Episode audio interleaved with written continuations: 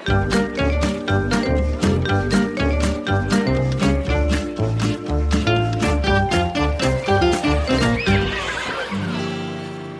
normale barnet, fins det? Er det slik at det som er vanlig, eller såkalt normalt, har blitt snevret inn de siste årene? Leter voksne for lett etter tegn på at noe er galt? Har et økende press i utdanningssystemet forsterket dette? Eller er dette riktig metode for å fange opp flere barn som sliter? Velkommen til Lærerrommet, Utdanningsforbundets podkast. Ja, temaet i denne episoden gjelder barn og unge med motstand eller angst, viltre eller stille barn og alle de andre forskjellige barna og elevene med ulikt temperament og personlighet som går i barnehage og skole. Navnet mitt er Marianne Olsen Brøndtveit. Og jeg heter Vigdis Salver. Og med oss her i dag så er vi så heldige å ha med oss noen riktige kapasiteter som gjester for å snakke om hva som er vanlig og normalt i en gruppe med barn eller unge. Velkommen til deg, dosent Kirsten Flaten ved Høgskolen på Vestlandet. Hei. Og til deg, Stein Erik Ulven, du er professor i pedagogikk ved Universitetet i Oslo. Ja, riktig. Først til deg, eh, Kirsten Flaten. Kan du beskrive et helt vanlig barn? Eh, nei, det er helt umulig. Det er altfor variert til det. Å være vanlig er ikke det samme som å være lik alle andre. Det vanlige er jo å være helt ulik alle andre. Hvis du kikker rundt deg litt, så ser du ser vi like ut? Ville du ha tatt feil av meg og Marianne, for eksempel? Nei. Men vanlige er vi. Men innenfor dette sånn normalitetsperspektivet, da, i, i gåsetegn, det å være vanlig, er det plass til alle personligheter og vaner og temperamenter i et klasserom og i en barnehageavdeling? Kan du velge vekk noen, da? I så fall hvem? Sånn, det er nødt til å være plass til dem. Vi har jo ikke valgt å bli den vi er. Du kan jo alltid skylde på foreldrene våre og si de skulle ikke ha kombinert genene sine, men nå har de nå engang gjort det, så vi har disse barna her. Så, så, vi er jo nødt til å se på den variasjonen som er i det vanlige. Men, men er det slik at det har blitt et eh, overfokus i noen fagmiljøer på at noe kan være avvikende et barn eller en ungdom? Altså at uh, hurtigere enn før da, blir lett etter en diagnose eller en feil i gåseøyne? Ja, akkurat det syns jeg har blitt litt for mye. Altså, um, og da støtter jeg meg til Kjersti Ekman som sier at hvis det normale blir en smal sti, så kan det bli flere som ikke finner den. Altså det er noe med å Vi skal ikke avviksforklare alt som ikke er helt uh, innafor um, hva skal si, A4. Um, det, det, er der um, faren ligger. for det vanlige er enormt variert.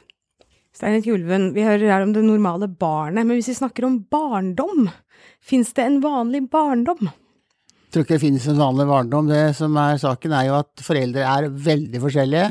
Og både dere og meg og alle andre som er til stede, eh, har hatt veldig forskjellige foreldre eh, som har taklet oppdragelsen veldig forskjellig. Og det som jo er egentlig det store mysteriet, det er jo at eh, de aller fleste blir helt normale, selv om de har helt forskjellige foreldre. Og det kan jo knapt bety noe annet enn at det er veldig mange måter å oppdra barn på og gi omsorg på, som alle sammen fører til en normal utvikling. og Derfor så finnes det heller ingen fasit på hva som er en normal familie. Men det finnes jo veldig mange synspunkter, da på hva som er en fasit? Det er noe helt annet, og de er mer eller mindre vel begrunnet. Og for å sette saken litt på spissen, så kan du si at de som har veldig lite kunnskap, de er de som er mest hardnakkete og mest påstandsaktige når det gjelder hva som må til for at et barn skal ha det bra. Men jo mer kunnskap du får, jo mer tvil blir du hvor den grensen går. Og jeg er blitt mer og mer i tvil etter hva som har gått. ja, men du bruker jo ofte begrepet temperament da, i din eh, beskrivelse av barns små og større utfordringer. Eh, hva er viktig med dette begrepet, mener du? Ja, Når du nevner temperament, så vil veldig mange som hører på oss i dag, de vil tro at temperament handler om det å være ha kort lunte. Altså det er det de forbinder med det, at du, er hissig. De færreste er klar over at f.eks. det å være sky og tilbaketrukket, det er også en temperamentsegenskap. Og det er veldig normalt å være sky og tilbaketrukket. slik at når inputet var liksom hva er normalt, så kan du si at det er normalt å ha veldig ulike temperament, og det er det som er den viktigste årsaken til at vi har så forskjellige personligheter. Noen er nysgjerrige og utagerende, og noen er stille. Og du spurte i sted er det plass til alle. Vel, fysisk er det vel plass til alle, men hvis du hadde spurt har alle barn i et klasserom det like bra, så er svaret nei. Fordi at eh, undervisningen den kan ikke klare å få tilpasset alle typer temperament på en gang. Så her har vi en utfordring. Og en utfordring er jo en av alle de historiene du forteller, eh, Kirsten Flaten, i den nye boka di, 'Et helt vanlig barn', heter den. Du beskriver annet Tobias. Han er fem år gammel. Han går i barnehagen det siste året. Og Tobias han er en gutt som liker å sitte litt for seg sjøl. Han finner fram figurer og lager verdener. Men i denne barnehagen så eh, er de voksne veldig glad i å heie på fysisk aktive og mer viltre barn. Og hvert år så har de da et sykkelløp hvor eh, femåringene skal være med. Ja. Og Tobias blir eh, dratt med i dette, og han gjør det med en kroppsholdning som ikke er så eh, glad, og et trist blikk. De voksne i denne barnehagen de begynner å snakke sammen, og de eh, spekulerer i om Tobias kan ha blitt deprimert, om det er noe gærent hjemme. Jeg skjønner hvilken historie du vil fram til, og da vil jeg jo bare si at de, de historiene jeg forteller, de, de har jeg plukka opp her og der gjennom et langt arbeidsliv. Eh, jeg vil jo bare si at jeg måtte delt ut mange bøker òg, som takk for at jeg har fått lov å bruke barna deres i boka. Eh, og Tobias han var en kjekk, flink, trivelig, hyggelig og veldig sosialt, eh, sosial gutt, altså som lekte godt med de andre. Men han likte å få litt fred og ro, han likte å få lov å putle litt. Han syntes det var noe mas når de skulle lage masse lyd, og det skulle være masse fart, og spesielt disse syklene som du, altså du slår deg når du ramler. Nei, Tobias var ikke i den verdenen der. Um, men, men han syntes han måtte gjøre det. Han var en pliktoppfyllende gutt. Altså jeg tenker Tobias han blir en fantastisk voksen. Jeg skal gjerne ha han som sjef jeg, når han blir voksen. Fordi at han har litt sånn omsorg i seg, og så samtidig så får han jo gjort det som skal eh, bli gjort i, i voksenlivet. Men han, eh, når han ble trukket inn i dette her, eh, et mye mer sånn støyende og viltert miljø enn han i grunnen likte seg i, så så, så du at det tok vekk en, en del av gleden med, med hverdagen hans.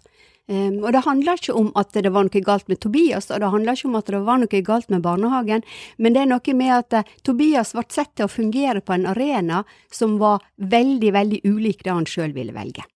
Men de voksne, de, de tenkte jo at det var noe gærent. Ja, de voksne så jo etter hvert at gutten ble eh, trist og lei seg, men de var jo så overbegeistra over denne Tour de France-leiken i barnehagen at de så ikke at de, var, at de faktisk var med å påføre eh, stress hos denne gutten her. Men, men hva er det som kan skje med barn når de kommer inn i et miljø som ikke er helt tilpassa deres væremåte, sånn som Tobias? Mm. Nei, altså det blir jo Noen gjør sånn som Tobias. Han, han prøvde så godt han kan, kunne å fylle opp alle, alle kravene som var der, og gjorde det som han skulle gjøre. Men han ble jo lei seg. Altså det var jo ikke noe kjekt for han i det hele tatt. På samme måte som hvis du tar en veldig vilterunge eh, og setter barnet til å pusle og perle hele tida.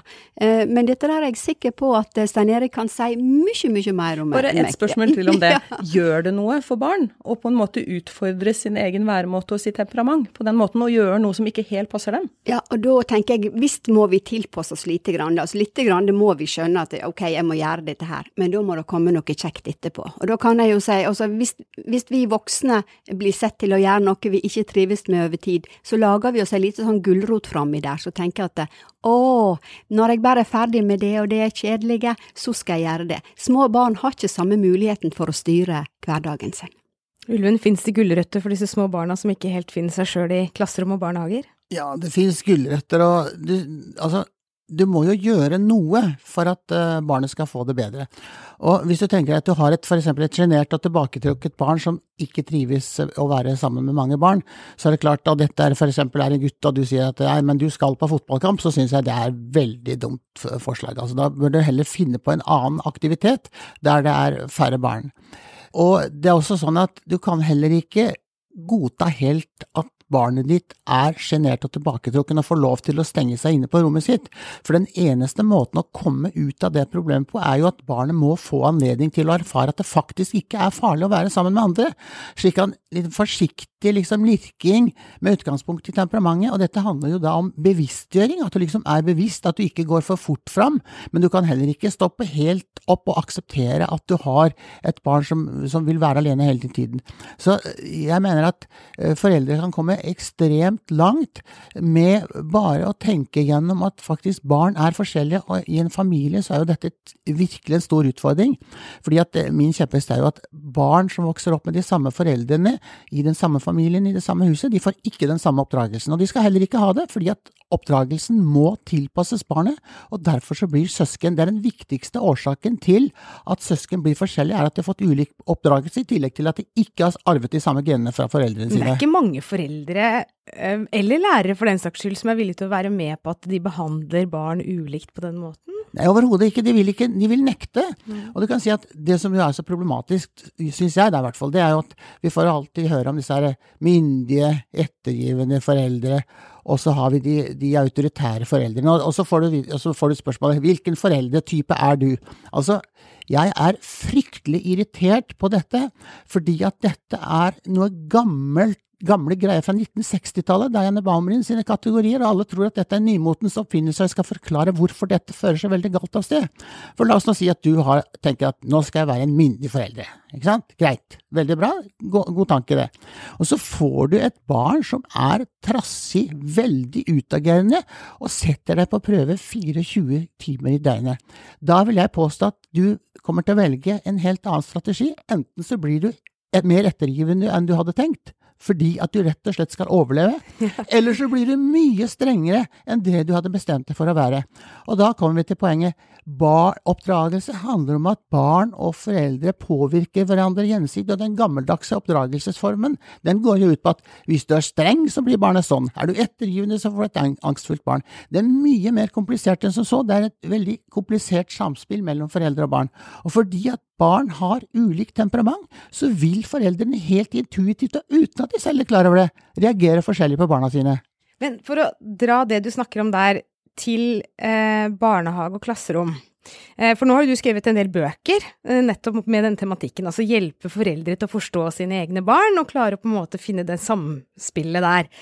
Og når man trenger bøker om det, hvordan skal da en lærer eller en som jobber i barnehage klare å finne dette samspillet med opptil 20-30 barn med ulike temperament og ulike reaksjoner på det som skjer der? Nå syns jeg du gjør dette mye vanskeligere enn det er i praksis, fordi at dette handler om at de fleste foreldre og de fleste lærere, ved å være litt bevisste, så vil de intuitivt klare å gjøre dette riktig, og de trenger ikke lese min bok for å få til dette her, for å si det rett ut. Altså, jeg mener ikke at du skal løpe rundt med læreboka i handa og si hva slags kategori hører dette barnet til.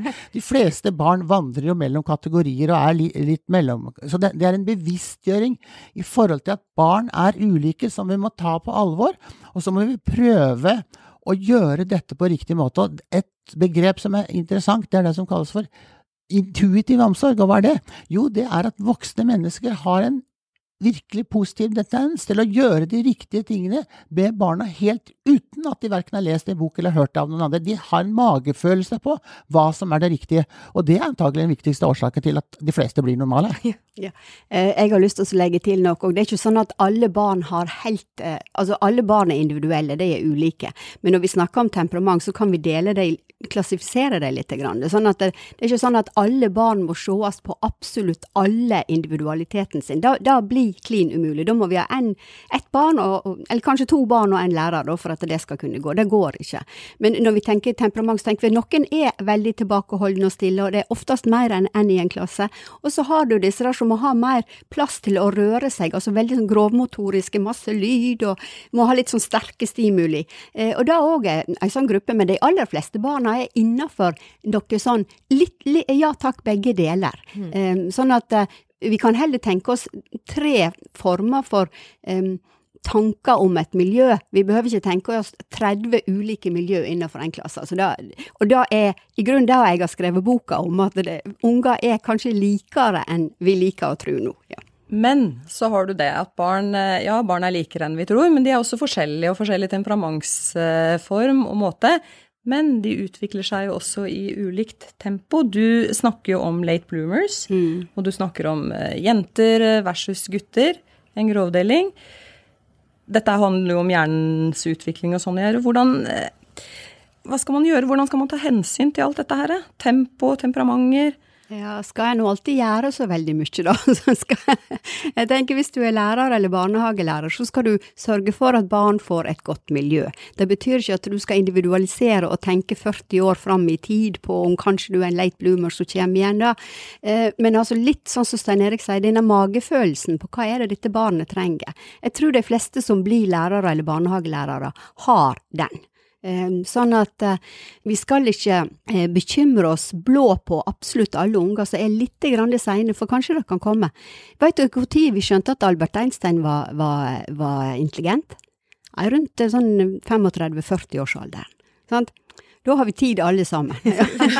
Jeg tar til meg, kjenner jeg. Tar til meg den, ja. Men du, men du sier jo også at mange foreldre som har fått barn som har blitt voksne, de ser tilbake på oppvekstløpet og så tenker sånn I alle dager, hvorfor stressa vi sånn med det her? Det gikk jo bra. Ja.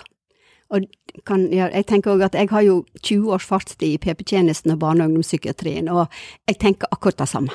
Ja. Hvorfor i all verden kunne ikke vi bare eh, lagt oss litt bakpå og slappa litt av? For, for det her gikk jo Altså, da de husker som verst fra barndommen sin, det er kanskje skoletida, men um, Så jeg tenker kanskje vi skulle ha slekka litt det der istedenfor å tenke at nei, vet du hva, du må Ja, verden går under om ikke du har alt rett på gloseprøva.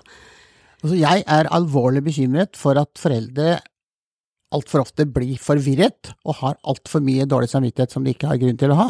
Og det skyldes jo først og fremst at de oversvømmes av eh, ekspertråd. Og hvem som helst kan jo være ekspert, altså det er en, ikke en beskytta tittel engang. Og det er veldig mye rart å lese både på nettet og andre steder. Og jeg mener at foreldre må stole mer på seg selv. De må prøve om de klarer å sortere, og de bør ikke gjøre ting som de er fundamentalt uenige i. Eh, da bør de lytte til sin egen magefølelse. Du sa i sted liksom, blir det ikke veldig vanskelig med barneoppdragelse som skal dele barn inn i kategorier? Nei, altså det er egentlig tre ting. Det gjelder alle voksne som har med barn å gjøre. Aksepter barnet på godt og vondt slik barnet er, og prøv å gjøre det beste ut av det. Vær en tydelig voksen med klare grenser, og vis barnet, la barnet bli sett, vis barnet betingelsesløs kjærlighet. Barnet må ikke oppføre seg bra hele tiden for at de skal like det. Tre enkle regler, og da går det mest bra. Ja, for nå snakker du om voksne, og den makta de har til å påvirke dette. Nettopp. Men hvis vi snakker om dette miljøet, og det, hvorvidt barnet føler seg normalt, da, blant andre barn rundt Ja, seg, ja. Eh, hva, hva kan man, hvordan kan man skape et miljø barn imellom som gjør at denne stien blir litt breiere enn det vi har beskrevet som her? Jeg tror at det aller viktigste du kan gjøre, det er å snakke med barn om følelser. Hvis du eksempel tar barnehagen, så er det jo alltid noen som blir lei seg av og til.